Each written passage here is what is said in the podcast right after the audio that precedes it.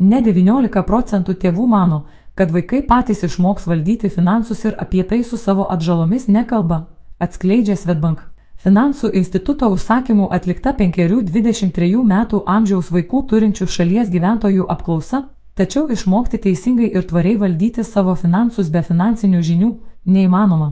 Tuo metu atsitraukti nuo atsakomybės ir tikėtis, kad visko išmokys mokykloje taip pat nereikėtų.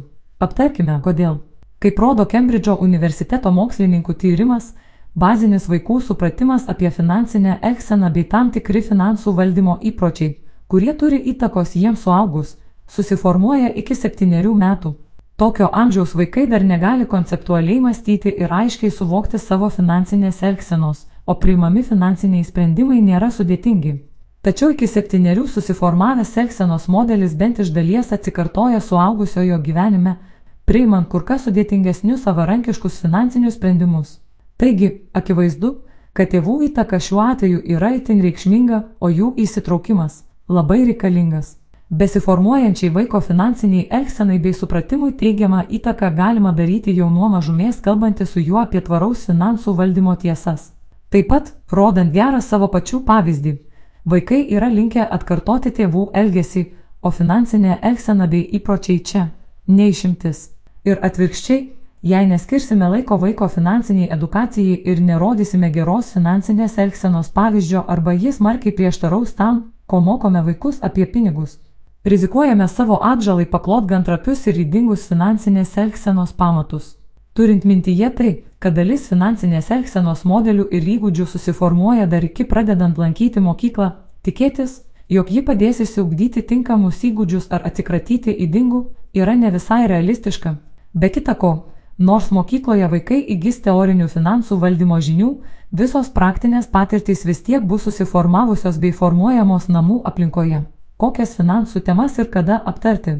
Na, o dabar nuo samčio deguto prie medaus statinės.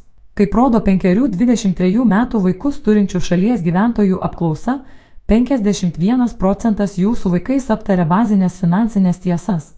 27 procentai detaliai pasikalba apie asmeninių finansų valdymą, pinigų vertę, taupimą ir kitas svarbes temas. Apžvelkime, kokias finansinės temas galima aptarti su vaikais iki septyniarių. Trejų ar ketverių metų vaikus jau galima pradėti supažindinti su pinigų savoka, mokyti atskirti skirtingas monetas ir banknotus. Jiems dar nebus aiškus vertės skirtumas tarp skirtingų monetų ar kupiūrų, bet jau gali būti suprantamas kiekybinis skirtumas. Žaisdami parduotuvę galite supažindinti su apsipirkimo pagrindais bei būtinybę priimti sprendimus turint ribotą pinigų kiekį.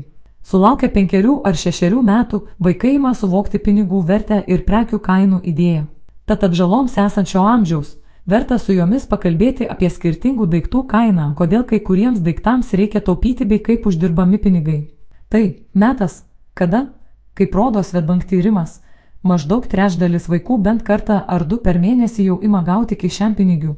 Taigi, duodant kišenpinigių, draugė su vaikais verta paplanuoti, kur jie bus išleidžiami, ar visi iškart, ar atsidedant taupimui norimam daiktui. Septyniarių suvokimas apie pinigų vertę tampa dar tvirtesnis Šio amžiaus vaikams darosi paprasčiau suprasti skirtumą tarp norų ir poreikių. Pokalbiai apie finansų planavimą šiame amžiuje jau gali būti kiek sudėtingesni.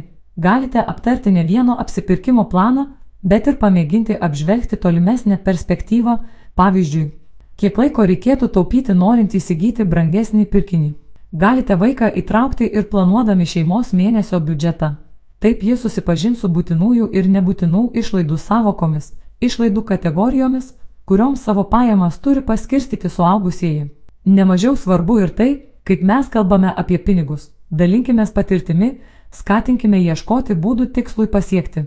Šios pastangos tikrai netrukus pasimatys savarankiškėjančio vaiko pasirinkimuose.